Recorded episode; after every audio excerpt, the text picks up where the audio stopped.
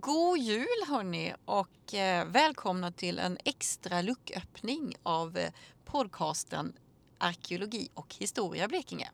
Det är ju podden som gräver, eller kanske i detta fall då plaskar i vår kulturlandskap. För att i den här luckan har vi en liten överraskning. Jag kastade mig idag iväg till Karlshamn för att träffa Mikael Björk, marinarkeolog. För ni som är hängivna eh, följare och lyssnare av Arkeologi och historia Blekinge, ni vet att för exakt fem månader sedan så eh, besökte jag eh, eh Vemmö i Karlskrona där man höll på att dyka. Ja, men jag tror, jag tror vi, vi nöjer oss med att säga så, utan jag säger bara så här. Kära vänner, vi har ett resultat.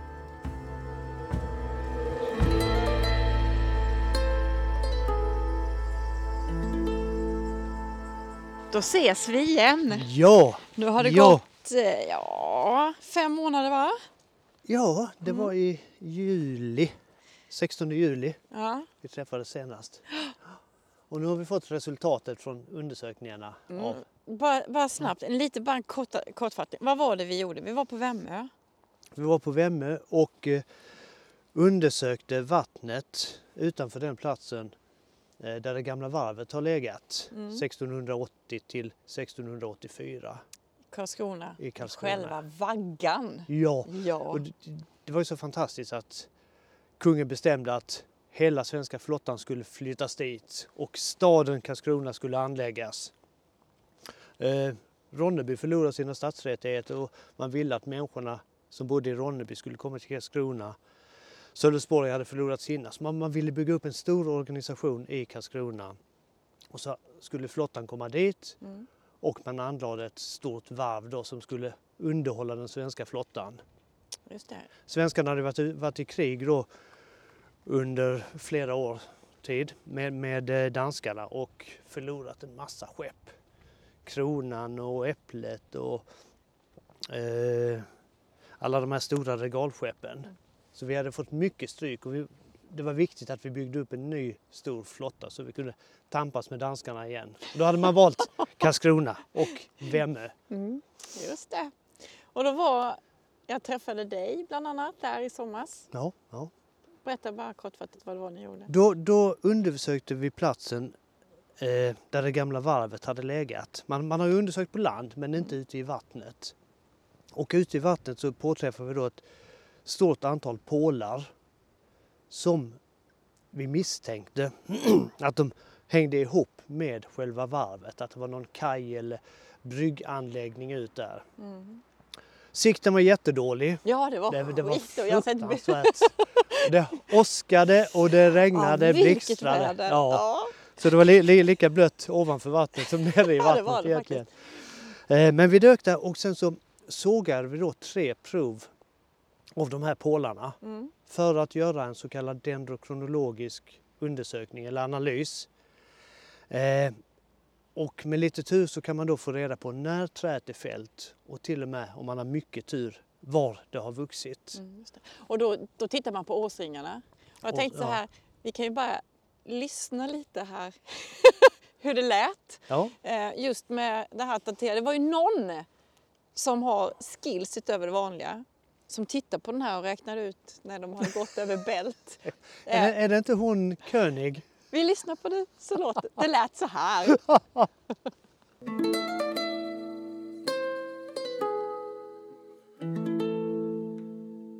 Vi, vi kan ju datera den förhoppningsvis för det är så många årsringar där. Ja, vi har ju redan egentligen, jag har ju, Ja. jag har ju daterat, eh, jag vet ju lite. Lena König är rätt så duktig på sånt här så hon har ju daterat, eh, hon har kun- till och med kunnat se på årsringarna när Karl X gick över Stora Bält och när han dog. Ja. ja, det var du som hittade den mörka linjen för Ja. dödsåret. Men jag, till själva teorin kommer ju med. Ja, ja. Ja.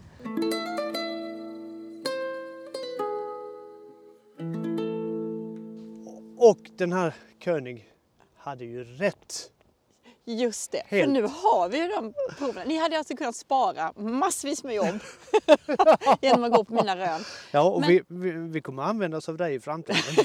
som sierska eller som något annat. Perfekt. Men har, nu har vi, kära vänner, vi har ett resultat. Ja, precis. Och det var tre prov vi sågade. Mm.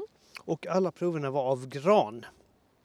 Och det, Eh. var, och det trodde ju ni? Det trodde vi Ja, också. Ja. ja. Ja, Först hade jag tänkt, tänkt att en sån här konstruktion gör man av ek. Mm. Men det visade sig vara gran.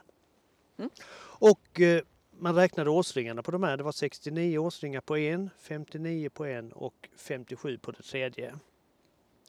Och alla de här tre pålarna som kommer från tre olika träd har sågats ner vintern 1680 till 1681. Så det stämmer klockrent när varvet anlades och Karlskrona byggdes, skapades. Så det, detta är ju från dag ett när Karlskrona anläggs. Det är så coolt! Ja, och till och med Vad som häftigt. grädde på moset så, så kan man då säga att träden har vuxit lokalt. Så det är från Blekinge, södra Småland eller norra Skåne. Mm. Så det, det är lokal proveniens på det och tiden stämmer exakt. Det blir inte bättre än så här. Det blir inte bättre. Nej, nej. Men du, vad, vad betyder detta som liksom ett första steg för någonting? Nu har vi fått bekräftat att där låg eh, örlogsvarvet, eller för, första varvet då i Karlskrona med två Mm. stapelbäddar. Vi vet platsen.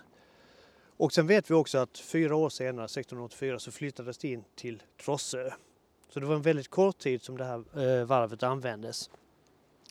Eh, vad jag skulle vilja göra egentligen, det, det är ju att göra en steg två undersökning på platsen.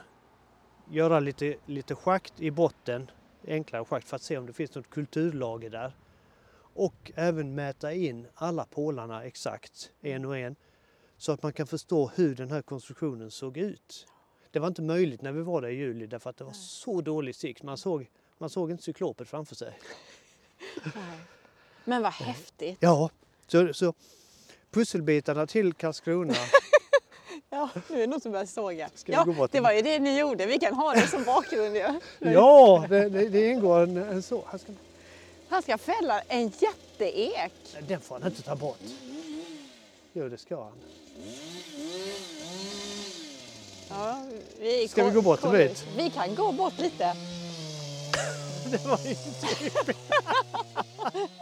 Få ta dem och såga. Men den fina eken, vad fan det är inget fel på den. Ja, den, vad- kanske, den kanske bara blir lite död uppe. Nej, den, har, den är bara halvvägs. Så vad ledsen jag blir. Ja. Ja, min pappa har berättat, eh, på tal om ekar och, och stora gamla skepp, att eh, först växer eken i 500 år och sen lever den i 500 år och sen dör den i 500 Ja, år. ja, ja. ja, ja. Så den. Men den, du vet, den är ju ja, Ja, två- jätte- 250 år. Ja.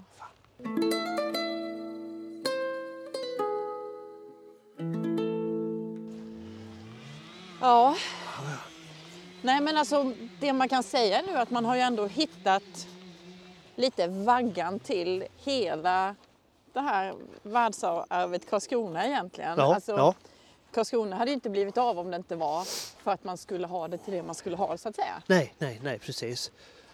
Eh, Och, och sen, sen måste man ju se hela kontexten med varvet uppe på land med allting som, fan, som måste ha funnits på plats där. En repslagarbana, smedjor, man lagade mat. Om, om man försöker visualisera det här. Mm, mm. Alla de här hundratals eller tusentals människor som, som arbetade på varvet. Vilken enorm aktivitet. Ja.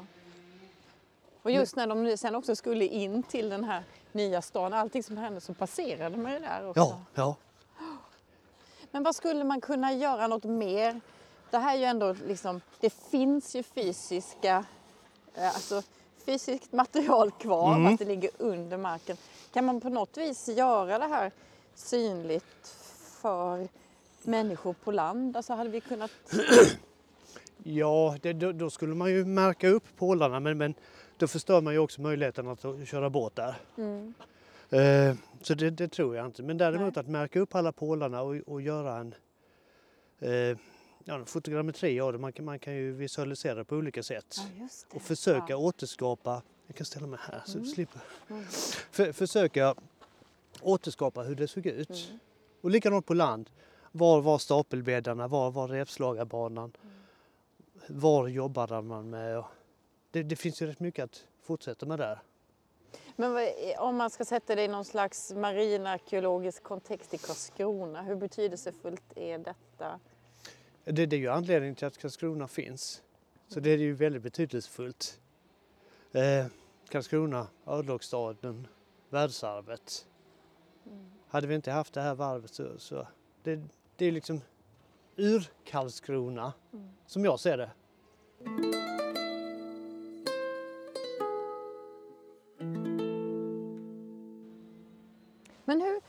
Vet man att, när man har tagit ett sånt här prov, hur, hur, hur ser man att det är det det är så att säga, och att det är just de åren? Hur vet man det? Men man, man har ett, eh, ett register, Mm. en massa andra tidigare prov som man jämför med. Träden utvecklas olika. Är det ett bra soligt år så växer trädet snabbt. Då ger en tjock årsring. Är det ett kallt, magert år så blir det en tunn årsring. Och så, Mm. så kan man då jämföra tunt, tunt, tjockt, tunt, tjockt. Ja, det var ju detta vi gjorde där, när Ja, vi precis. såg när de gick över bält. Du, du kunde ju se när Ja. Karl X tågade över bält. Och den som lyssnar nu på detta kan också bara säga att jag har ju bilder på detta så jag kommer lägga ut det, det kommer finnas på Instagram. eh, Där man kan se. Och kan, jag, kan, jag tar en bild och zoomar in så kan Ja. alla få räkna. Ja. ja, för det var ju, ska vi se, det var ju 22 år. Ja, Från 58, ja, Ja. precis. Mm. 22 år innan. Ja. Så från den yttersta årsringen räknar 22 år tillbaka och då ser man att då var det säkert jättekallt. Det är en Ja, tunn, tunn, tunn det- årsring. Ja, och det var, det var några år där tydligen, för det, Ja. det var många tunna så. Liksom. Ja. Det är så jävla coolt! ja. Åh! Så, så att eh, vi har Karlskronas vagga. Mm. Vi kan, titta, vi kan göra lite mer med det, alltså undersöka det rent eh, marinarkeologiskt och arkeologiskt på land och knyta ihop det.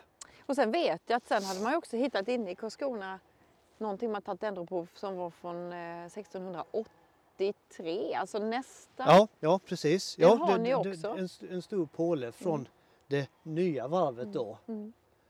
Och då kom den pålen, då hade, de- den var inte lokalt vuxen utan den hade kommit från norra Tyskland vill jag minnas. Då slog man lite mer på stort där Ja, inne då. precis. Utländskt virke, lite finvirke. Men kan det varit så att man visste också att, att det skulle vara lite så länge tills de hade liksom gjort klart? Eller? Nej, Vet jag tror inte att det var något provisorium utan Nej, det var nej. nog tanken att det skulle anläggas på Vemme från början. Man, två stapelbäddar och man man byggde upp en stor organisation där. Mm. Men sen av någon en eller annan anledning så fick man andra idéer, tankar att det kanske är bättre att ha det inne på Trossö istället. Ja. Men alltså, och det var ju riktigt stort för den här eh, konstruktionen då där man hittat de här granarna. Den var, vad var det? 15 gånger 60 meter. Alltså det var ja, riktigt inte jätte- riktigt men nästan så stora. Ja, ja. Ja, men uppifrån, hur långt ut i vattnet går pålarna? Eh, ja, cirka 50 meter. Men vi vet ju inte riktigt var strandlinjen gick. Nej, för har nu är det ju en väg också Ja. så, så det var säkert 60 Så, meter. ja, det var det säkert. Ja. Ja. Ja, Och jättebred. ja, ja. Nej, coolt. Så att det hade varit väldigt roligt att fortsätta Mm. göra en, en, en steg två undersökning här. Ja. Ja, det, det, det förutsätter vi nu, Länsstyrelsen.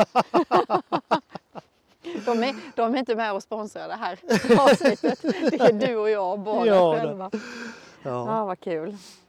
Ja, nej, det var lyckat. Mm. Och, och det, det är inte så vanligt att man får klockren datering på alla prov som man sågar. Nej, Det- nej, just det. Ofta så diffar det lite, eller inte diffar men man kan, det är för få årsringar och man kan Mm. inte riktigt använda materialet. Men här är det så klockrent, Mm. ingen diskussion. Nej. Jackpot. Coolt, coolt är det. Ja, ja. Nej, men och jag, eh, efter vårt lilla snack här så kommer man kunna höra avsnittet igen Mm. eh, direkt. Jag lägger på det ljud bakom. Så den som, den som har bommat och lyssnat på det kan nu få höra hur det lät då i juli 2021 när, Ja. när eh, ni tog upp de här ja. bitarna av gran från 1680. Mm, mm, mm. Ja. Ja. Är det något mer du vill säga angående detta? Eh, ja, man, man kan, säga att eh, rapporten, rapporterna, våra rapporter Mm. från eh, Blekinge läns museum, både landarkeologi och Mm. marinarkeologi, ligger på, på vår hemsida. Så, och där kan man ta På del av Blekinge allting. museums hemsida. Ja. För Där kan man, kan man gå in och ta del av Mm. alla rapporter. Ja.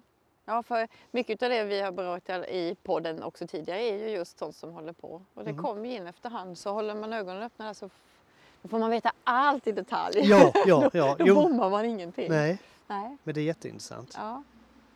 ja, verkligen. Och det är kul. Ännu ett pussel. Ja, Ännu en bit i pusslet. lite mer om vårt eh, om Blekinges kulturarv. Mm, En mm. liten, liten bit Mm, här och mm. lite där. Så. Och du när jag ändå har det här.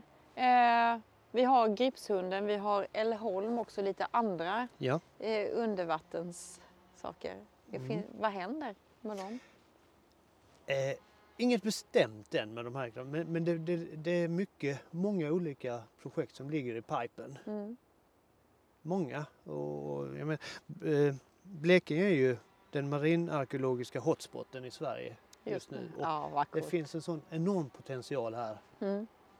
Många olika projekt som, som eh, kommer framöver. Ja, Jag har också tänkt faktiskt just med marinarkeologin att, att plocka upp och liksom försöka ha det lite återkommande eftersom det finns så pass mycket. Mm, mm, Men det beror mm. på. Jag kan ju bara göra det ni gör. Ja, ja, ja, ja men vi, vi håller dig informerad. ja, Ja, precis. Ja. Men du, du nämnde någonting om Älleholm när vi pratade telefon. ja. Älleholm, Eh, vad? Älleholm, där fick vi också dateringen. Mm. Det var ju vraket, eh, virket till det vraket som ligger vid staden Älleholm eh, avverkades någonstans mellan 1562 och 1576.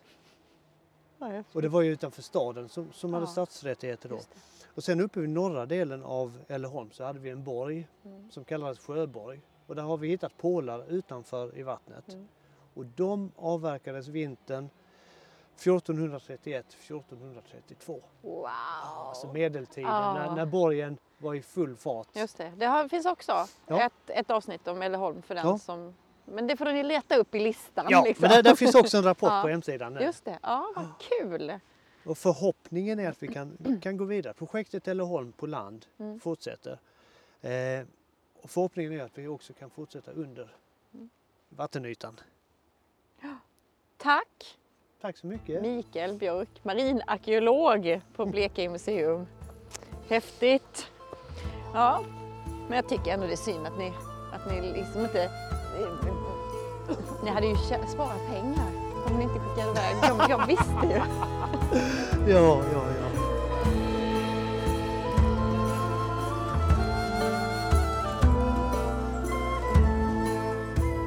Ja, tänk så rätt en kan ha va? Om du inte har hört eh, avsnittet från Vemme så kommer det komma direkt här på. Du behöver alltså inte leta upp det. Men vill du höra andra avsnitt från arkeologi och historia Blekinge då kan du hitta det på Spotify, Podbean eller på Blekinge museums hemsida. Och just det här avsnittet gjordes i samarbete med Micke Björk från Blekinge museum då och med mig själv som sponsor. Det är ju inte bara undersökningarna som är roliga att höra utan det är också resultaten utav dem. Så eh, ja, tack för att du har lyssnat.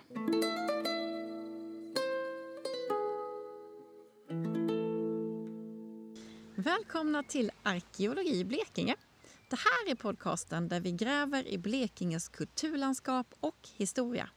Jag besöker tillsammans med arkeologer och andra experter olika platser runt om i Blekinge som berättar om fascinerande fornlämningar, okända historier och intressanta forskningsrön. Just det här avsnittet har möjliggjorts genom ett samarbete med och bidrag från Länsstyrelsen i Blekinge. Men också genom ett tätt samarbete mellan Blekinge museum och mig. Och jag som har tänkt att dra med dig ut i vårt län och lära oss mer om Blekinges historia heter Lena König. Så, nu kör vi! Eller om jag skulle säga, nu gräver vi. Välkommen till Arkeologi Blekinge.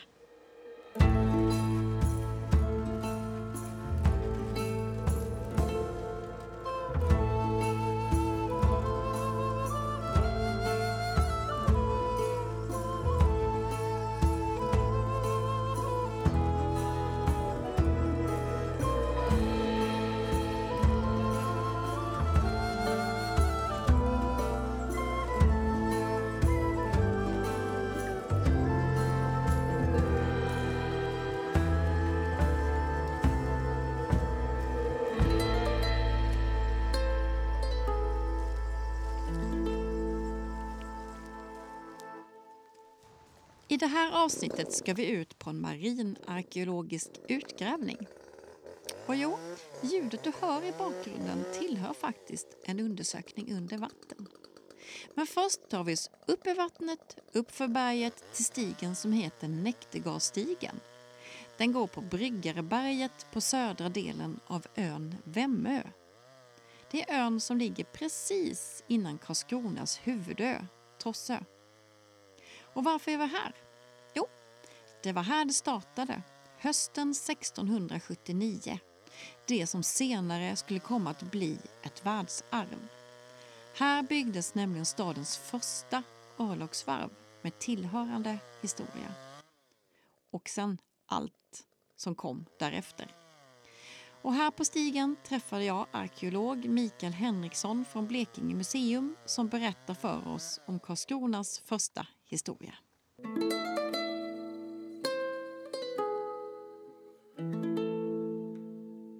På Vemmö. Vi är på Vemmö. Och när någon säger Vemmö till mig, då tänker jag Vemmöparken Ja. och en scen och så Ja, lite ja, lövskog. Men pratar man Vemmö så är det Studentviken, Alltså Vemmö är jättestort. Ja, ja visst. Bryggare, alltså det är, det är hela detta superområde. Ja. Och, och det, är- det är klart, man tänker ju inte så mycket på det. Och det heter ju olika saker som har fått liksom sina funktioner och som är, identifieras med bostadsområden idag till exempel. Och framförallt när man kommer så långt fram på 1800-talet som man fyller ut mycket så, så liksom blir det ju liksom att, att det växer ihop med vartannat också. Och, Det blir så tydligt när man tittar på kartor Ja. att man kan inte ens jämföra med dagen. Men varför det? Det har fyllts ut hur mycket som Ja, helst. i nej, men så är stan. det ju. Ja. Mm. Så att jag menar, det, det är det som är det intressanta. Tittar vi på Vemmö från början så är det som vilken ö som helst i den här delen av skärgården. Här har funnits en bondby med tre gårdar, Vemmerby. Vemmö by, Ah, vad gulligt. Som naturligtvis är försvunnen sedan Mm. länge. Och eh, tittar vi runt på olika delar av Vemmö så är det ju verkligen olika funktioner som, som liksom väldigt vaga spår efter men, men letar man bara på rätt sätt så finns det där. Och, eh, nu står vi på den här platsen på den södra delen, absolut södra delen och det är ju den som har den första och tydligaste kopplingen till staden Karlskrona. Just det. Och hade det inte funnits ett träd här och inte det där berget så hade vi sett Hästö och vi hade Ja. sett Trosse liksom söderut och så. Mm, där är vi. Ja. Så liksom hela, hela konsekvensen av att man ska bygga liksom flottans huvud, huvudbas här nere blir ju då att man måste i anspråk ta områden och liksom hitta de här funktionerna som är viktiga. Och då är det ju just den här delen av eh, Vemmö som blir viktig och då eh, redan 1679 så är man här och förbereder liksom på höstkanten och, och röjer och anlägger. Och parallellt med att man börjar anlägga här så anlägger man också på den södra sidan av Hästö. Okej, ja, ja. den som går som man ser hit. Som man då, ser som egentligen bara Mm. över sundet Ja, som vi uttrycker det så. det. Ja.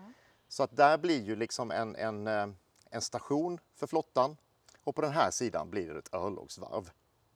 Tänk att börja så från början. Ja. Så det blir så absurt. Ja, En men det- jo, några visst. skärgårdsöar Ja. och sen nu, nu kör vi igång. Ja, ja men visst. Men då fanns det ju lite infrastruktur. Här fanns ju då en by Mm. med, med bönder och sådär. Så att det, det, eh, det, det var ju någon som, som hade sina liv här redan men det förändras ju drastiskt fort. Kul. Jag menar det är mycket som behövs och det är mycket man sätter igång med. Så det blir en febril byggaktivitet. Eh, Så efter, efter något år redan så har man ju säkert ett 50-tal byggnader på den här sidan och det ska ju då försörja varvet. Så att jag menar här har ju funnits soldater för att liksom vakta och, och allt sånt här. Det har funnits smeder, det har funnits hantverkare av alla möjliga slag och det är klart att de måste ha hus och det måste ju liksom ha Mm. Men En samtidigt som de håller på här då 79, börjar de där inne på Tossa också då? Eller Ja, alltså det, man må- ritar ju upp hur staden ska se ut där så att det finns en parallellitet i det redan från början. Eh, och det är klart att det fanns ju planer på olika ställen man skulle ha lagt Karlskrona om man nu kallar det för det. Så att det sonderades ju tidigt men man, man hittade rätt först när man började komma hitåt och sen måste man ju någonstans ha insett att nej men eh, skeppsbyggnationen gör sig bättre ute på Lindholmen och där. Och då för man över så småningom. Så att det är ju en kort tid som varvsverksamheten är igång här ute. Men det är ju några riktigt stora båtar som byggs, alltså sådana kanonbåtar med, med, med liksom mer än 80 kanoner till exempel. Så det är ju inga små skorvar. Så. Vad häftigt! Eh, och då, då är det klart att eh, en helt ny och febril aktivitet kopplad till då den här, den här stora liksom, eh, ja men det, det är ju ändå eh, viktigt i svensk politik då och, och liksom just hur man skulle hävda sig, att man skulle få de här isfria dagarna lite tidigare än när flottbasen var uppe i, i, i eh, Stockholmsområdet. Så det är ju ett spännande skede. Konsekvenserna för bönderna blir ju att de, de liksom kastas ut och får liksom försvinner ju. Så byn ser man ju inga spår av idag överhuvudtaget. Vet man var den låg? Om man... Ja men det vet man ju ungefär. Det finns ju ändå som du, som du säger kartor som man kan jämföra och se hur man har använt eh, området. Så att man har ju ett allmän grepp om det men det är inte så att man ser på den tiden, för det är ju ganska länge sedan, sent 1600-tal, så att det finns ju ingen karta som visar exakt hur gårdarna låg. Och, och sånt där, utan det är allmänt. Är de, ligger de... Ja men då är, då är vi liksom längre upp och vi är i höjd med Vemmeparken. Då.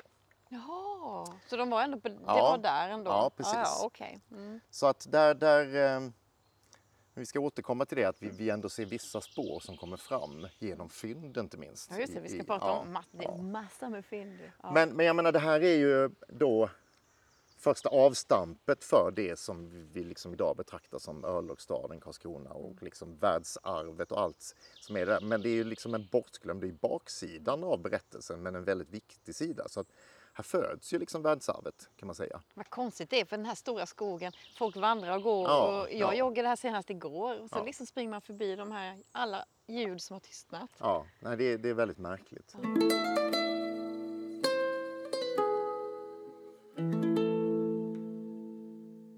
Sen är det ju just en sån här ö då som är vad ska man säga, på väg ut till huvudön sen blir ju lite ett randområde som man, man, man fraktar sig och varor och allting över. Så att jag menar, transportlederna går ju över Vemmö in till. Så här finns ju krogar, här finns vägsträckningar, här finns liksom en sån infrastruktur om man ska se det så. Eh, samtidigt så blir det ju då ett resursområde för staden. Någonstans ska de som äger kreatur ha sina kreatur. Så även om bondbyn har liksom fått, fått vika så, så används området ändå för ja, fä. Men gjorde de bara så då att nej, nu ska vi ha det här bort med byn och så Ja, det var nog inte mycket Liksom, att, att säga om. de, att man skulle att få- de hade bott här i Ja, hundratals ja. år. Nej, nej, nej Ja. så det, det var nog ingen... Det är lite som den här traditionella berättelsen om, om eh, den enda gården på Trossö. Just det, Vitus. Ja, Mm. att, att han sattes i finkan för att han inte ville ge upp sin gård. Men jag menar, så att det, det, där, det där är ju traditioner som vi inte vet mycket om så, men det är klart att det är traumatiskt. Man kan bota massor med generationer. Ja, ja, det är det. Ehm, sen så är det ju, jag menar här finns ju ehm, den gamla avrättningsplatsen också på väg in. Det. det. är ju också betraktat som, som Vemme faktiskt. Är det gall... eller vad är det då? Eller Eh, då blir infas? det på andra sidan vid Bergåsa, alltså precis. eh, Ja, efter... uppe Det är på det som heter. Galjamarken då? Ja, Just precis det. Och den kan man ju hitta platsen för det, men jag menar det finns ju ingen galge kvar där idag. Så det är ju, rent arkeologiskt är det väl en plats med tradition. Ja, Så. just det. Så att de här olika elementen för att röra sig över en plats in till liksom en annan plats finns ju här. Eh, Mm. Så och sen så ännu längre fram i tid så får den andra funktioner. Eh, och då är det ju liksom kopplat till militärövningar, inte minst. Och sen så är det ju väldigt mycket det som, som väl de flesta förknippar med Vemmö, just nöjeslivet Ja, och just det. friluftslivet, alltså att, att röra sig här ute och festa. Och, och Vemmeparken är ju, det blir ju väldigt, väldigt tydligt så. Mm. Ehm, Men har Vemmeparken någonting med, med tillbaka, alltså med, med så lång tid tillbaka? Eh, jag Alltså, kan väl, man- alltså, det är nog så att när man har haft militära övningar och sånt så har det också funnits liksom dagar när anhöriga var på plats och man hade liksom Mm.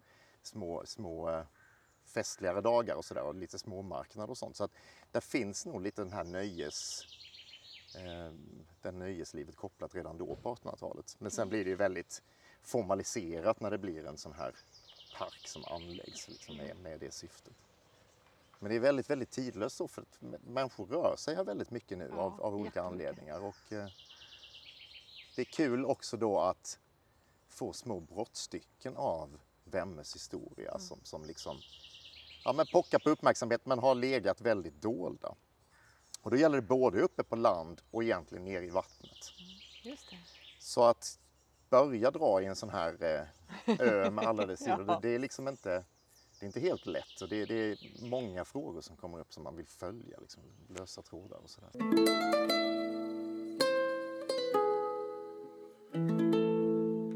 Men vad, bety vad, vad betyder, om man nu skulle, det är ju svårt att säga några meningar, men vad betyder Vemme för, för Karlskrona som stad och när Karlskrona blir Karlskrona och så? Ja, men alltså man får ju tänka att försörjningsmässigt och eh, transportmässigt så är det ju viktigt.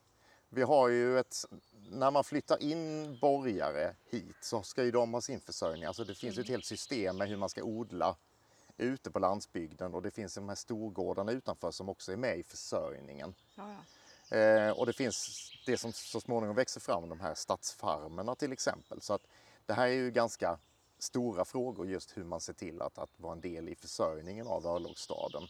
Och hur man kompenserar de som kanske förlorade någonting i Ronneby när de tvingades flytta hit och ställa om sin verksamhet och sådär. Så att det, det är ju ganska eh, stora frågor och, och genomtänkta ekonomiska strategier från stadens sida och sådär. Så att det, det kan man göra mycket kring, men då är vi också utanför både Trosse och Vemmö.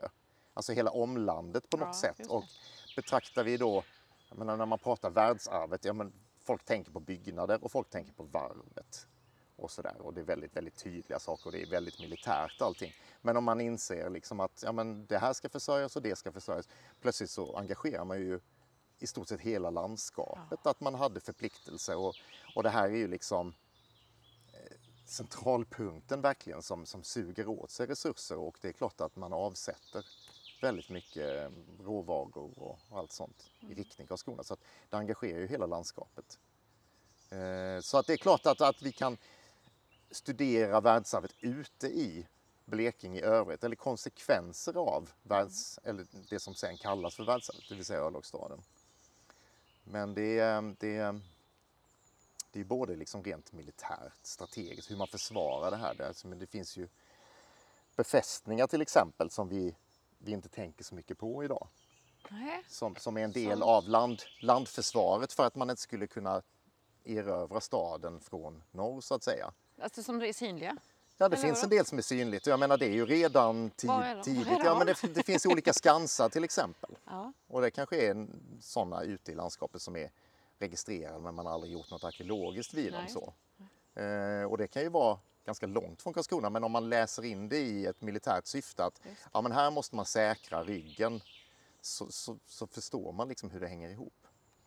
Eh, sen är det ju en sån sak som, jag menar, en sån sak som, som vattenförsörjningen med Lyckeby och, och, och Lyckebyåns vatten. Alltså det är ju något tidlöst också det att när man anlägger en stad mitt ute på Trosse. Ja, det vet ju alla knappt- nu. Det ja, går ja, ju inte att få vatten nu. Nej, men det är ju, det är ju ganska hopplös situation. Ja. Och då har man ju väldigt mycket det här med att man har vattenskutor som går från eh, Lyckebyån och ut. Så. Och sen hamnar ju vattenverket där så småningom. Så att det är Ja, något väldigt tidlöst så.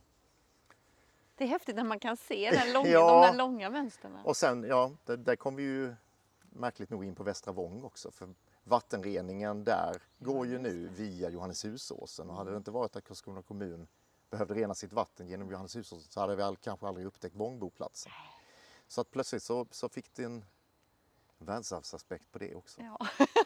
Där finns, men där, där finns mycket, mycket intressant att hämta. Och vi, som jag sa, liksom, man, man förknippar ju gärna världsarvet med tydliga byggnader och det är 1700-tal och det, det är väldigt sådär.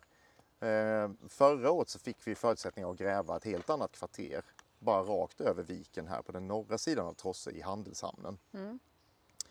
Och det är ju lite grann som Vemme, då är det liksom det dolda, Var det den dolda eh, sidan. där jet, macken låg? Alltså Ja, precis. Mm, Bakom just fängelset. Just mellan precis, ja. fängelset och ett hotell som ligger Mm, där precis. Eh, kvarteret Gullin. Eh, där det har, varit, ja, men det har varit bilförsäljning och det har varit färgförsäljning och det har varit allt möjligt sånt där. Och det är ju på något sätt handelshamnen, kofferdisjöfarten är ju inte riktigt det som man har studerat väldigt mycket om man sätter det i jämförelse med hur mycket man har tittat på det militära Karlskrona till exempel. Och samma sak där, jag menar, du måste ha en kofferdisjöfart, du måste ha en handel som håller igång allting. Så att det är ju väldigt intressant. Och här i det kvarteret så visste vi sedan innan att eh, Karlskronas enda kritpipsfabrik var förlagd på 1700-talet. Så att plötsligt fick vi chansen då att, att göra ett, ett nedsläpp i en industrisituation mitt inne i handelshamnen och få liksom en helt annan berättelse av Karlskrona. Och det kan man ju tycka att sätter man spaden i Karlskrona, man är på berget direkt, ja men plötsligt så finns det kvarter där det är liksom svackor, där det är avsatta kulturlager och sånt. Och det visar sig vara total fullträff där ju. Så att där var ju faktiskt så att det under bebyggelsen som är idag, förvisso kommer ju alla de här 1700-talsspåren med eh, ugnar och sånt där för Kripbilsfabriken. Men under det, det äldsta skedet, var ju byggnader, träbyggnader som dendrokronologiskt har kunnat dateras till 1680-tal. Nej, vad häftigt! Så det är det absolut äldsta skedet man kan Ah. tänka sig att det finns hus och lämningar efter det. Så att nu är den rapporten inte färdig men det där är ju plötsligt en, en gåva från ovan. Att, att få titta på ett sånt kvarter och få den pusselbiten. Det får vi prata om i annat Det får bli ett annat avsnitt. Men där har vi liksom, Ja. bara rakt över vattnet så har vi då Vemmö som är ursprunget Ja. till eh, örlogsvarvet och allt det här. Så att det, man ser hur mycket som, som går att lyfta som, som vi på något sätt försummat eller i alla fall inte tänkt på under så väldigt lång tid. Så att det här, eh, och det är ju liksom, man måste göra grundforskning på mycket av det här och det, det är inte lätt.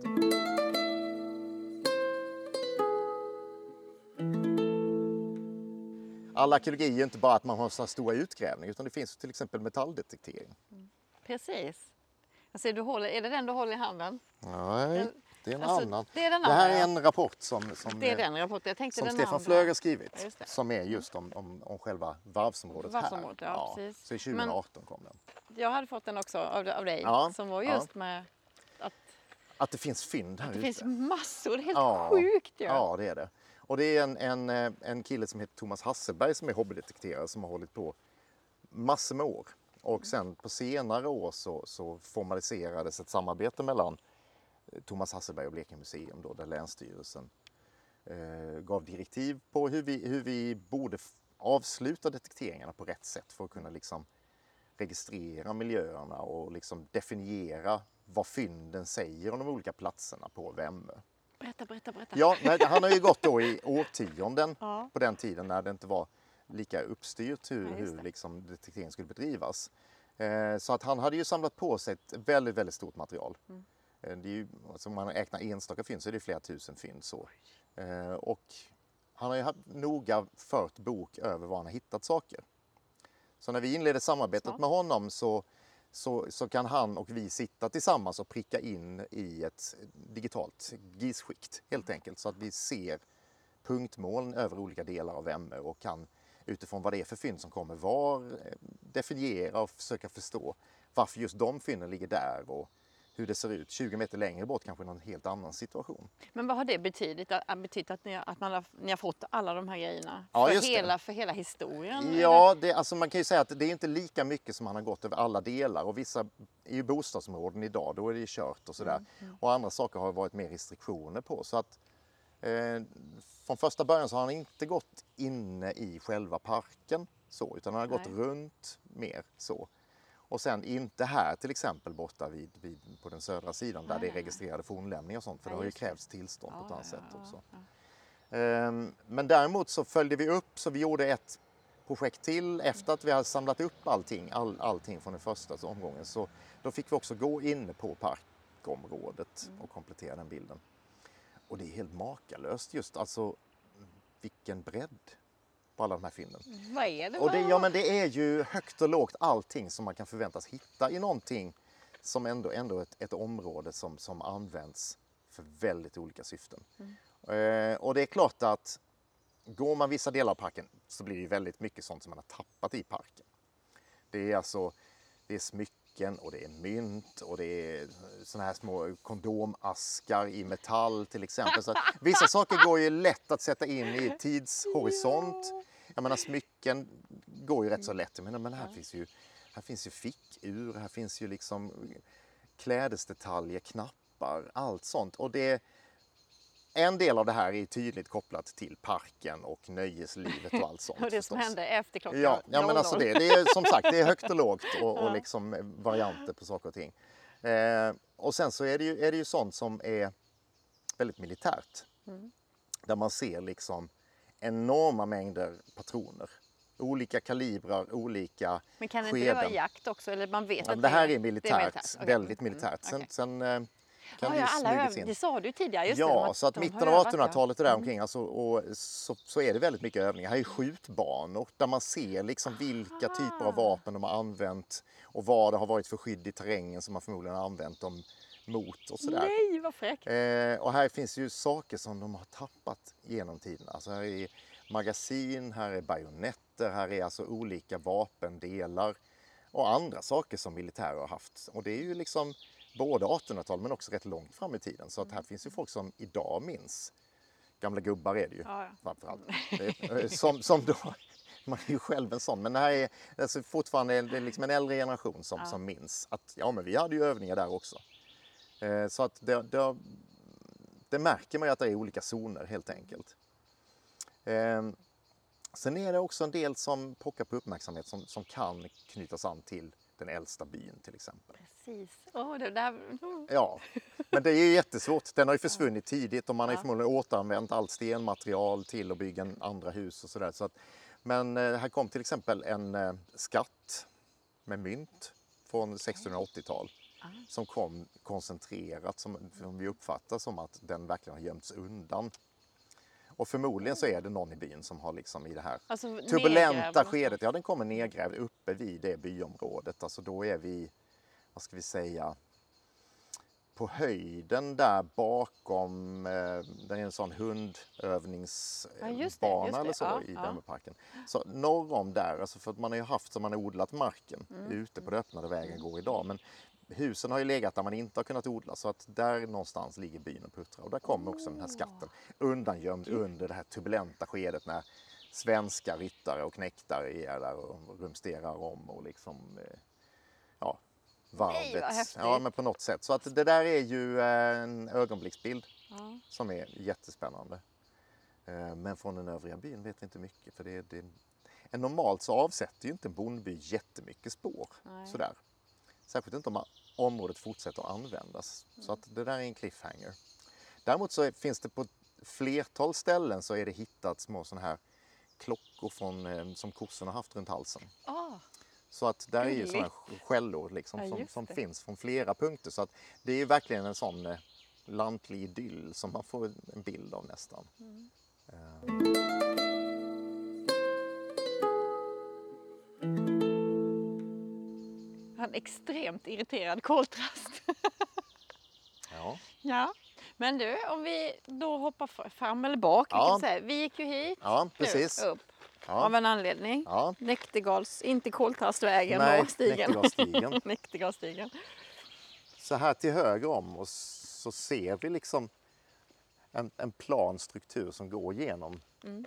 skogen och faller in i Näktergalsstigen. Ja, precis nedanför det här berget som sticker upp. När man... Och som sagt, den, den hade ju då eh, Riksantikvarieämbetet, Leif Är det Stenholm, framme är då det 78. detta vi ser här nu? Ja, precis. Gud vad tydligt. Ja. Så, att, så att här är ju eh, en väldigt lång struktur som faller in. Eh, nu är det väldigt uppvuxet här så det är lite svårt att se just nu. Men du får väl tro på mig.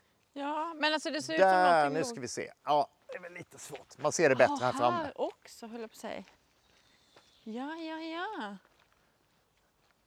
Men det är ju nästan som att träden, träden växer ju inte ens där. Eh, nej, Alltså det är ju höl. Eller? ska se här. Nu är vi inne. Eh, ja, det är lite svårt att se. Man får nästan komma hit med foton från den här grävningen 1978.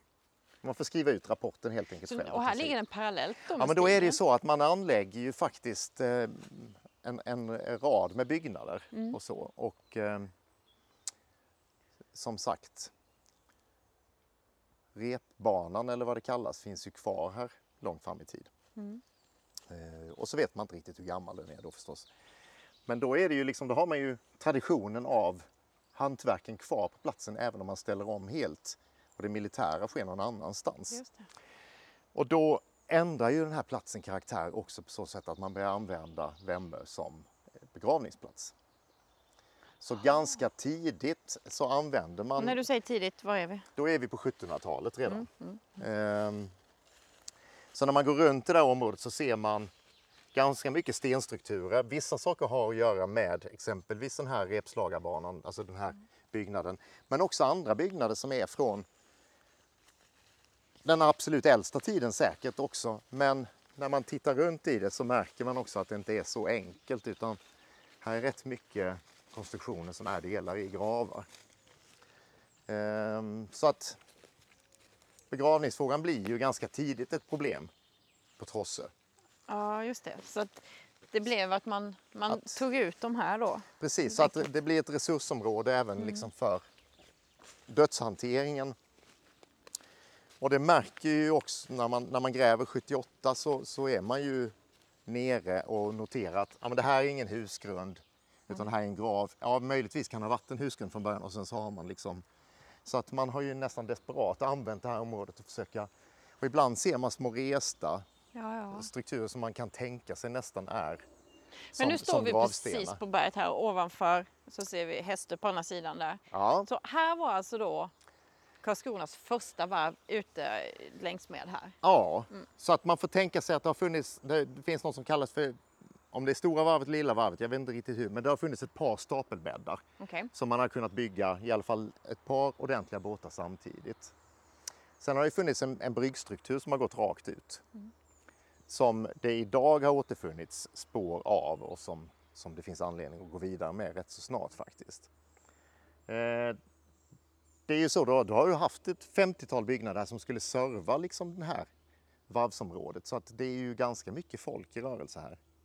Det blir som, nästan som en egen liten En, stadsdel. en egen liten stadsdel och här har funnits kapell och här har funnits smedjor och här har allt funnits allt, allt som har behövts. Eh, och naturligtvis har man ju titt som tätt förmodligen haft folk som har dött. Så man har ju redan börjat begrava så det är ganska logiskt att se att man fortsätter att använda det som det.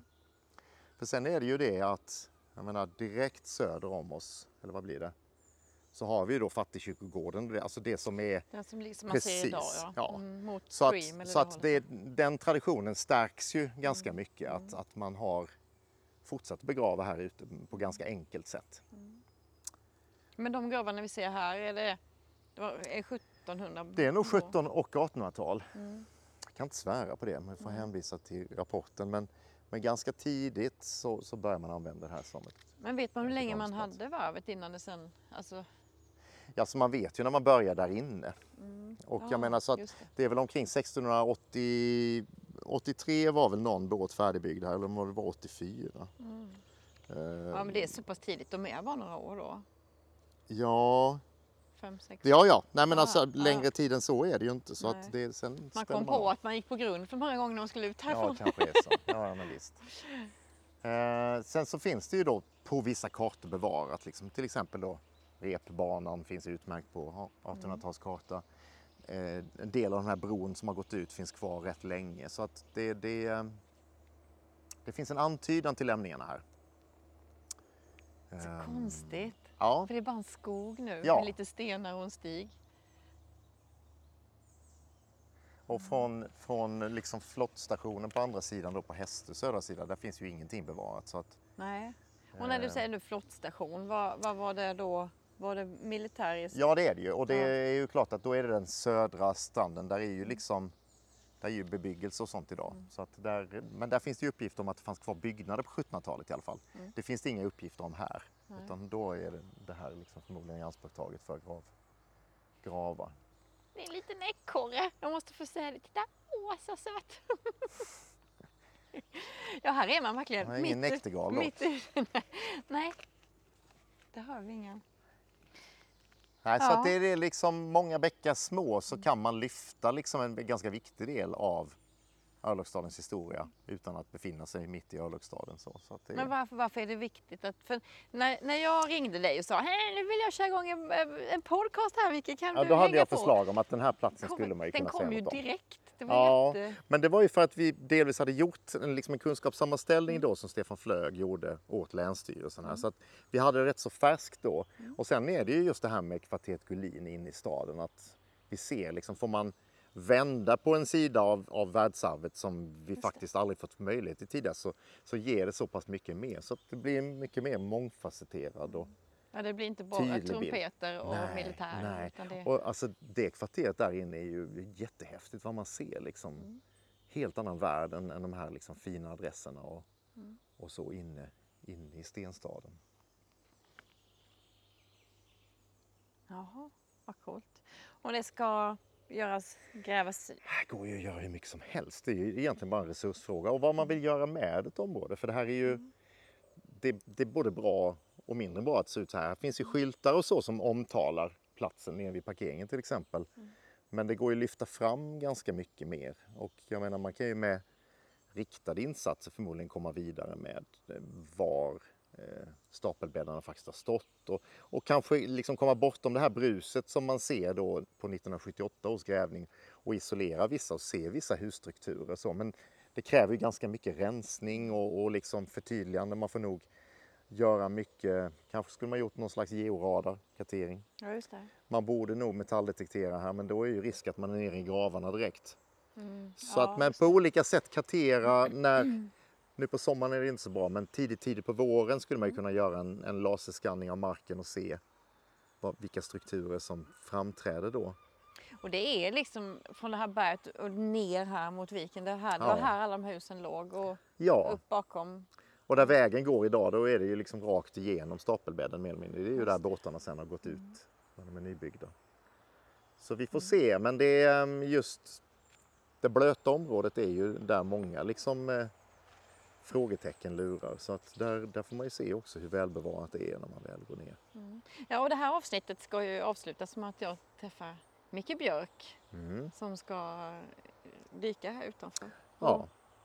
Och där får vi se vad som händer för det här är någonting som har framträtt väldigt nyligen just att det finns rader av stolpar i förlängningen av den där, där eh, bron ska ha gått ut. Eh, och det är naturligtvis jätteintressant att få veta vad det är för datering på det. Och hur- det ser ut. Det är inte ens registrerat som fornlämning. Så att det där finns ju ett, ett syfte med att, att få med det och, ge det ett skydd.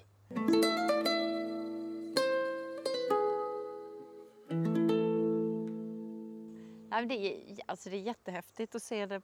Nu kommer jag ju se det här på ett helt annat sätt när jag joggar förbi här. Inte bara den lilla nedåtlutningen där jag kan hämta andan. Nej, just det.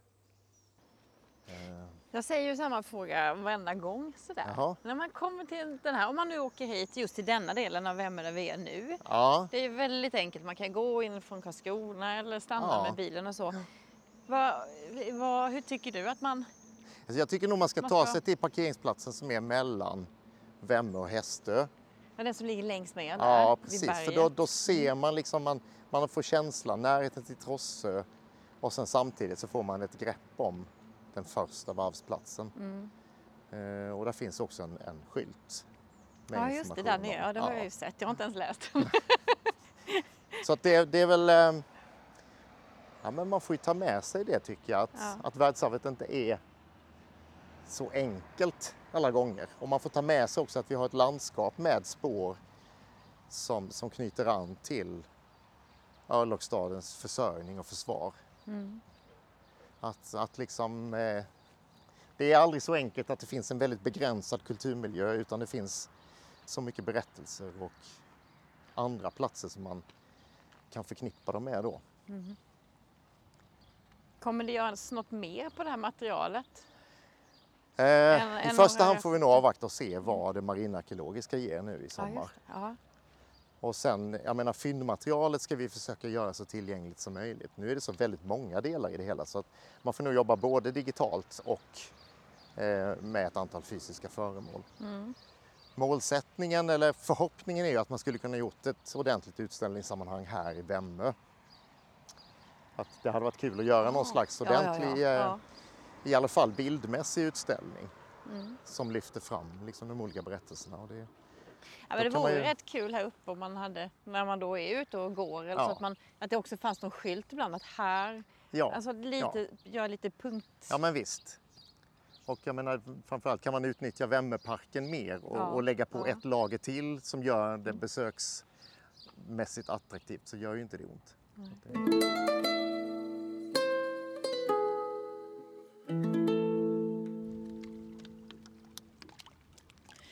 Det alltså dags för de marinarkeologiska dykningarna. På södra delen av Vemmö där byggdes alltså 1679 Karlskronas första örlogsvarv. Och det var inte för så himla länge sedan som man upptäckte pålar i vattnet precis på den plats som kartorna visar att det gamla varvet låg och där det gick ut en stor brygga i vattnet. Och idag är jag på plats för att få följa dykningarna och för att få prata med Blekinge museums marinarkeolog Mikael Björk.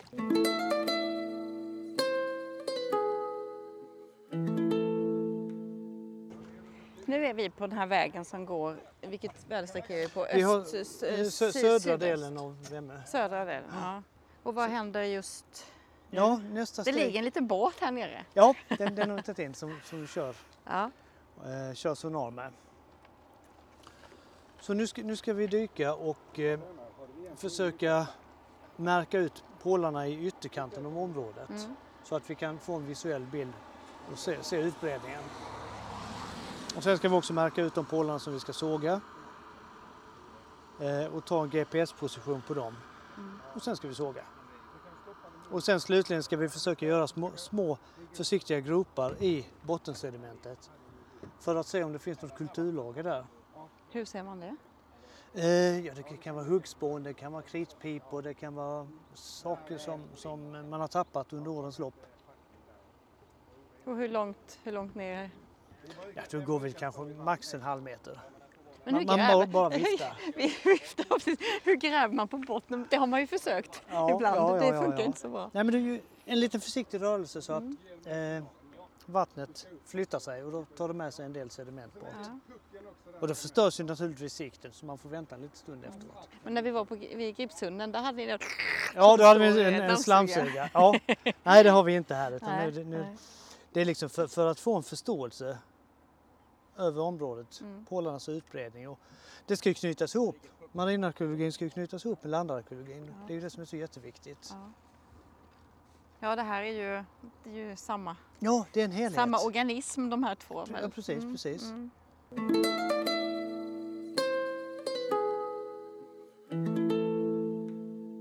Nu har ni haft lunch.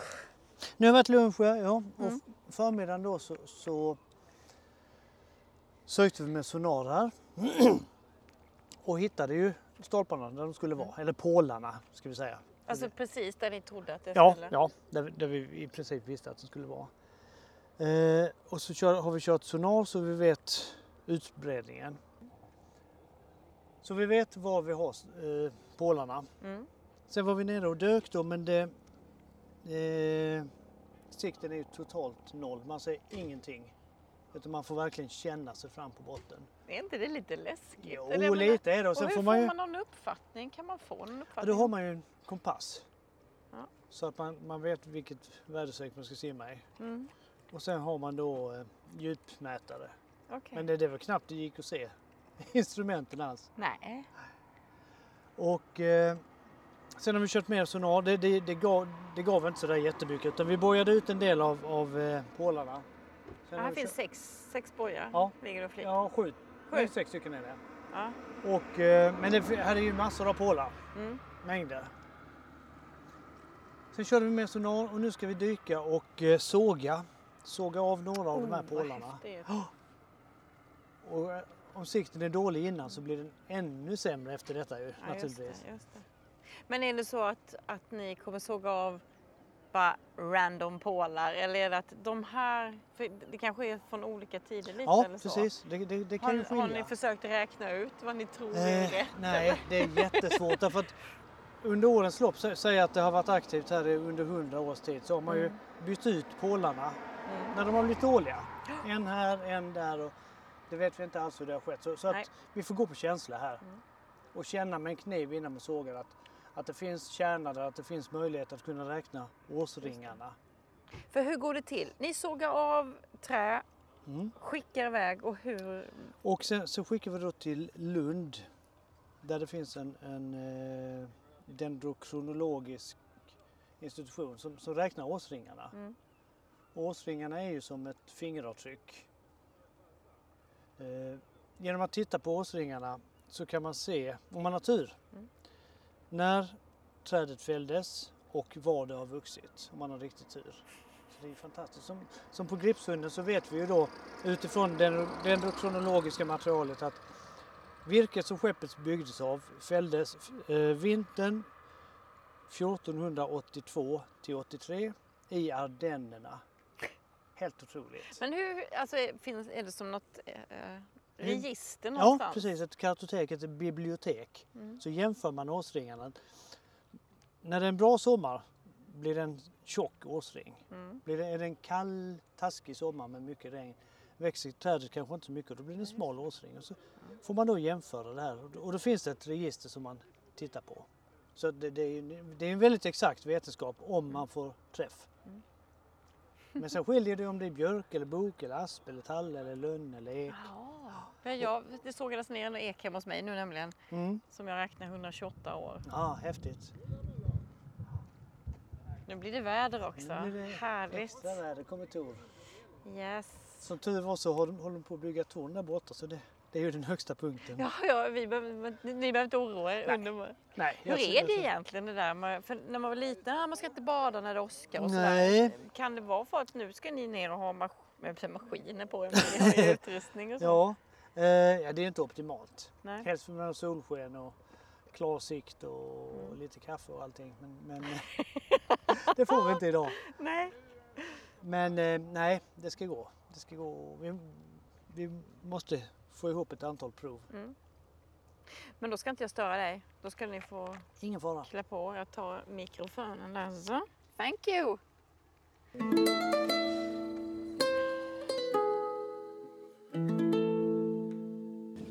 Vad, vad, vad händer nu? Här kommer Jens in till land nu. Eh, han har varit nere och sågat av en bit. Det ser ut att vara ek. Eh, vi får se när han kommer i land här. Men han har sågat av en stor bit från en av pålarna. Och det är väl, väldigt, väldigt ansträngande att såga under vatten. Man gör av med mycket luft. Men gud, den är ju jätte, det är jättestor. Ja. ja, det ska bli intressant att se. Eh, och se antalet årsringar. Års... Där ser man. Och nu ska jag ha dig lite där i den. Här, här ser man årsringarna och Just det. Eh, De första åren har ju gått väldigt, väldigt snabbt. Det är Mm. grova årsringar. Men ser man på de yttersta ringarna så har det varit ett mycket tuffare klimat. Ja, just. Eh, Sen trodde han att det var gran. Och tittar man på utskotten uppe på spetsen så kan, kan det vara det. Men det, det, det känns ovanligt. Ek, Ja. fur brukar det vara. Ja, ek är det inte va? Det... Nej, nej den är för Nej. lätt. Nej. Fel färg. Ja.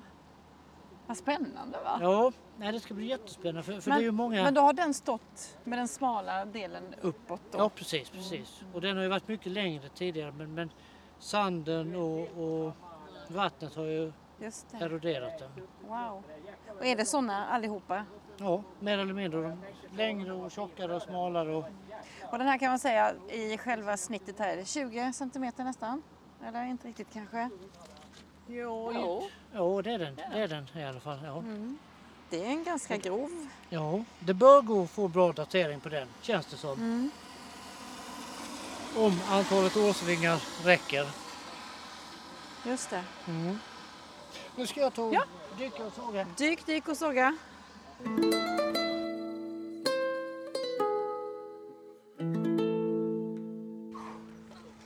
Oh, det var tufft. Det var tufft. Och det flåsar. Ja, det det jobbigt? åldern tar ut sin rätt. Nej. Jag bara lite bara medan du ändå är i sånt här härligt lite flåsigt mod. Blir Ja. Du har precis varit nere, du har varit nere i nästan 45 minuter. Ja, Vad, hur såg du ingenting. Det såg inte alls ut. Man får känna sig framåt så hittar jag ett antal, fem, sex, lite mindre, men de, de var klenare eller var inte runda fina. Så, men efter en stund så hittar jag den här då. Och sen är det bara till att såga. Och se, man ser ju ingenting knappt när man kommer dit. Och när man börjar såga så försvinner ju allting för man rör sig, rör upp bottensedimentet. Så att, okej, har jag min dator en decimeter från ansiktet så kan jag inte se den. Oj. Och sen tar det jättemycket på, på kroppen att jobba under tryck. Det är mycket mer ansträngande.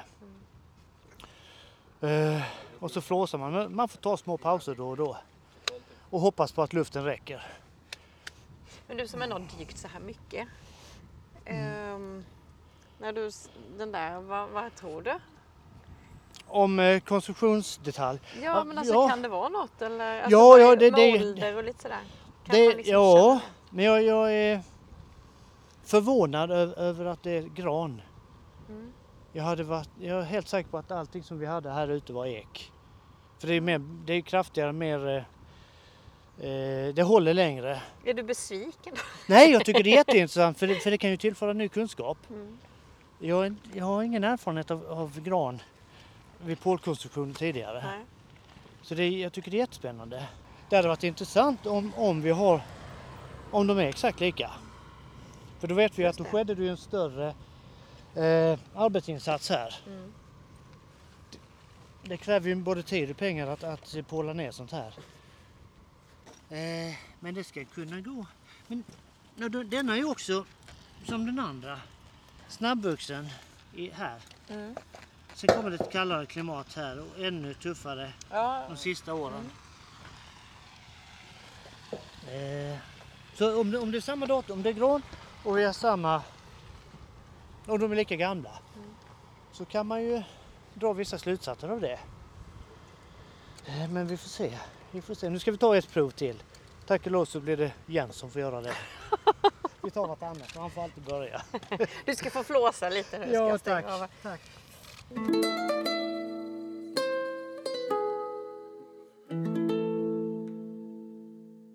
Nu då? Vad händer här? Du kan knyta in dig Lina.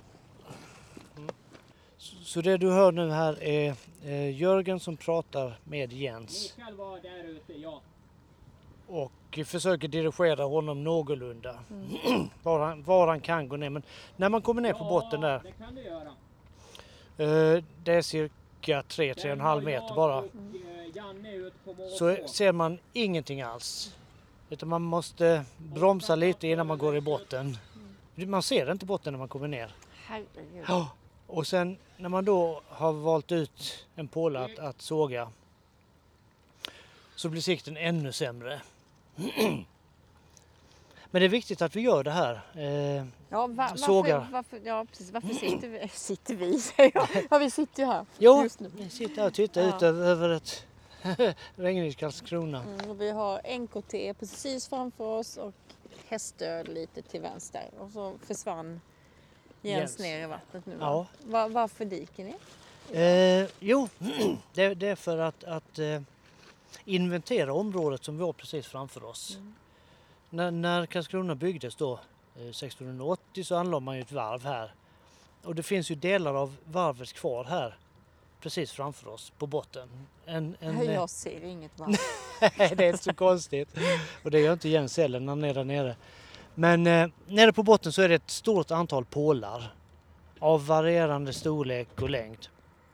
Och flera av dem är från 1680 och kanske 100 år framåt.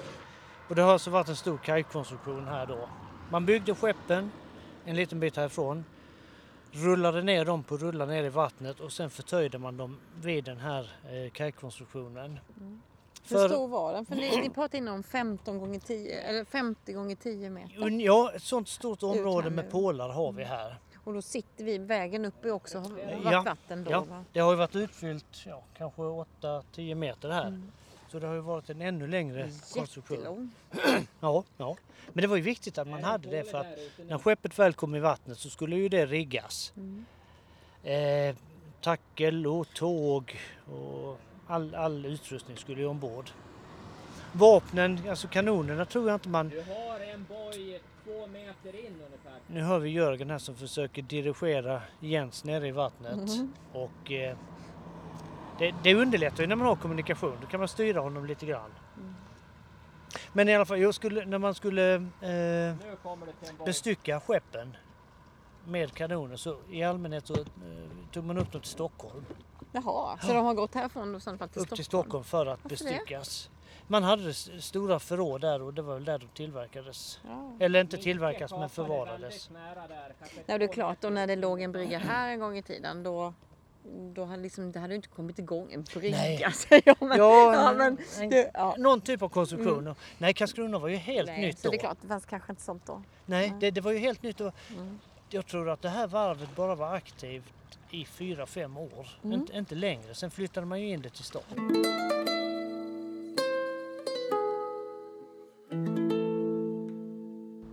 Men här utanför vattnet, det ligger några, några, orangea bojar ut här. Ja. Det, ni gick ner tidigare idag och Ja. För, först körde vi av området med en sonar, en si- sidoseende ekolod.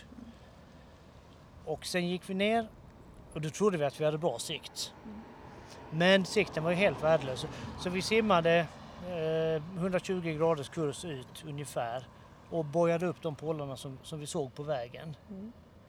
Och här ute där, där Jens håller på att såga nu antagligen, eh, där var det rätt så mycket pålar. Då, då var vi nöjda med det. Och sen gjorde vi ytterligare en sonarkörning med fokus just på detta området.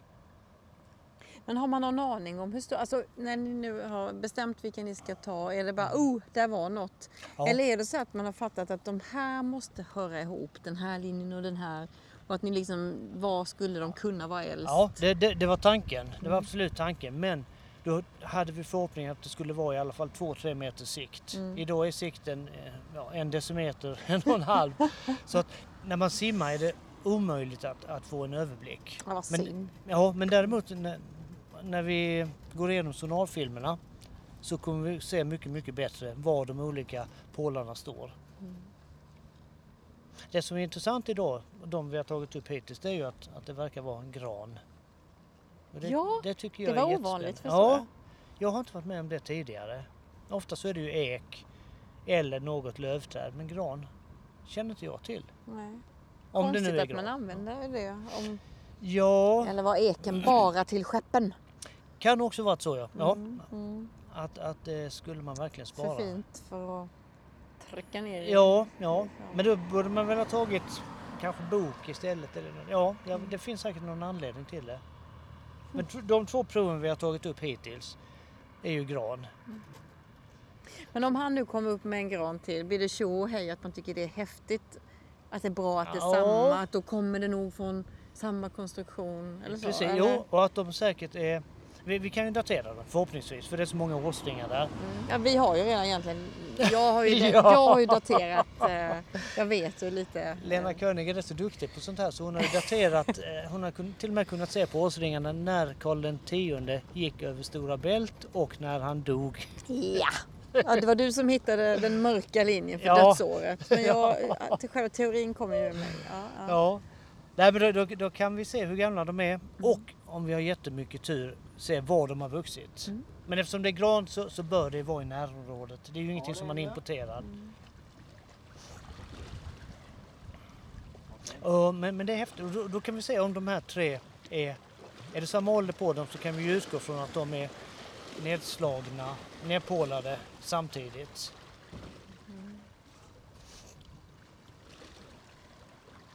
Så det, det finns mycket, att, mycket information att utvinna ur det här. Sen får man ju se om det, om det skulle kunna bli en större utgrävning här. Eller undersökning i alla fall. Ja, jag skulle nu visa sig att de här, whoop, det är 1679 till exempel. Mm, mm. Blir det så hett då att man skulle liksom verkligen bara... F- f- Ja, man skulle, man skulle ju vilja det när det är bra sikt. Men då får man ju ta en diskussion med Länsstyrelsen. Och det är de som, som får initiera det här. Tillsammans med, med Blekinge museum. Det hade varit fräckt om man kunde byggt ut någonting här. Sen. Ja, ja, ja. Alltså, ja. Eller kanske vid sidan om eller något. Men att få känslan. ja. Nu, nu ligger det, jag skulle egentligen säga tyvärr, tre rör, i alla fall tre rör som är lagda på de här pålarna. som, är, som är nedsänkta rätt så nyligen. Stora metallrör, denna dimensionen. Är det avföring tänkte jag säga. Vad heter avlopp? Alltså, det Eh, någon... ja, det kan det vara. det, det är svårt att se på utsidan. men, eh, men eh, de här rören har ju påverkat pålarna. Mm, Och hade man okej. vetat om de här pålarna tidigare så hade man nog varit mycket mer försiktig när man sänkte ner rören. Det tror jag. För Men att hur, upp, hur uppmärksammade man detta då? Eh, det var den här kajkonstruktionen finns utmärkt på äldre kartor. Mm. Slutet på 1600-talet, början på 1700-talet. Och sen är det sportdykare då som, som har sett att det är pålar här. Och sagt till oss på museet. Så vi gör en liten insats idag. Mm. Och visar det sig att de är gamla så, så, så ska det här bli klassat som fornlämning. Vilket in- innebär att man måste vara extra försiktiga. Man får lov att dyka här om man vill. Och här. Men man kan inte lägga ner rör och ledningar hur som helst. Nej. Utan då måste det göra en, göras en arke, arkeologisk undersökning först.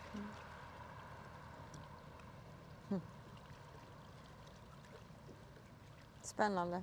Vilket roligt jobb du har. Ja, det har jag. Även om jag är helt förstörd och, och svettas och kramp och allting så, så är det jättekul. Arkeologi är roligt och mar, marinarkeologi det är liksom gräddan. Tycker jag.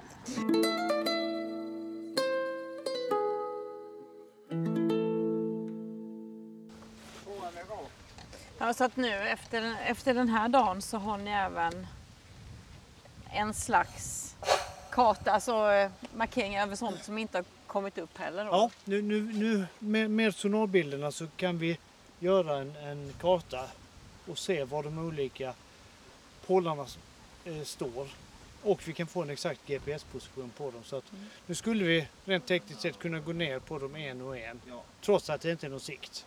Men hade ni varit glada om ni hade lite olika? För nu det är ju lika samma eh, slags eh, gran tror Ja, det, det är Eh, det. Hade och- det varit bättre om det var olika? Att man fattar, ah, eller är det bra att det Nej, är... jag tror att det är bra för att det, det tillför rätt mycket ny information. Intressant att, att det är gran. Intressant är att de verkar vara samtida alla tre. Mm. Om man tittar på dem. Eh, nej, det, det är jättebra. Sen vet vi inte om de andra som är där ute också är gran. Nej, precis. Eh, det, det får ju framtida undersökningar visa. Ja. Ska de sågas nu eller? Ja, Ja, alltså det, det här hade jag inte riktigt förväntat mig.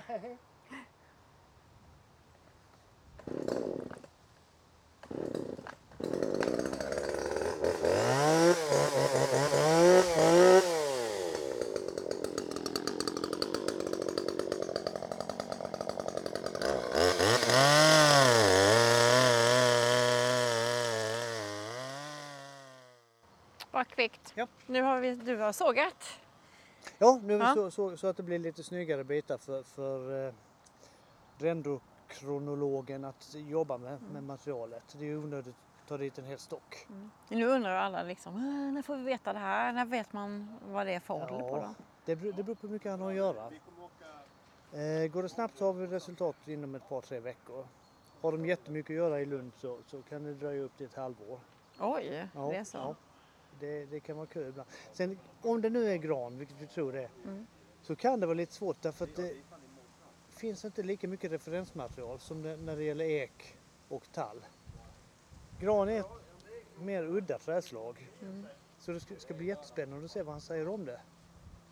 Ja, det är jättehäftigt. Att, Ja, tänk, ja. om det, ko- tänk om det är från då här. Ja, det, om det är så alltså pass gammalt. 1679 eller 80 eller Ja, och att man, att man använder gran i så fall. Mm. Min, min teori nu rent spontant är att de här är, eh, har kommit hit senare. Mm. Originalkonstruktionen har varit från ek och den finns kvar där ute. Men att här har man förstärkt pålningen eller byggt en ny konstruktion och använt ett, ett lokalt billigare material då, gran. Men är det en, tillf- är det en tillfällighet då att, att det har råkade bli att ni just fick upp tre sådana här? Eller Nej, var de ja. lite, eller? Det, det kan jag inte svara på, inte så här snabbt nu. Jättebra fråga. Men det, när man tittar på årsringarna så, så ser de ju jämngamla ut. Ja, väldigt, väldigt lika. Men vi, vi får återkomma i ärendet som det heter. Ja. Tack snälla för att jag fick komma hit idag. Ja, det är bara roligt. Det har varit eh, åska och halvstorm och siltje och, och, och lite sol. och lite sol. Men som vanligt så slutar det bra. Mm. Vi återkommer med resultaten av det här. Det är Jättebra. skithäftigt. Hur som helst så är det ändå en del av Karlskronas historia vi Ja. har här. Precis. Det är en del av världsarvet. Mm. Absolut.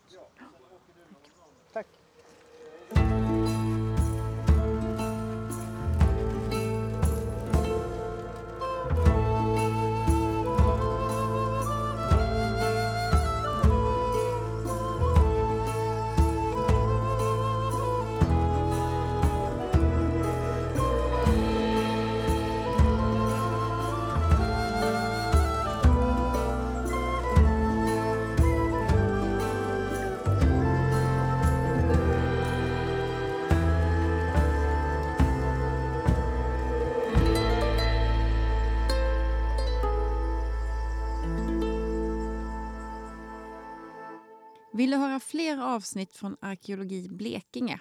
Då kan du bland annat hitta dem på Blekinge museums hemsida eller på Spotify och där söker du på Arkeologi Blekinge. Tack för att du har lyssnat.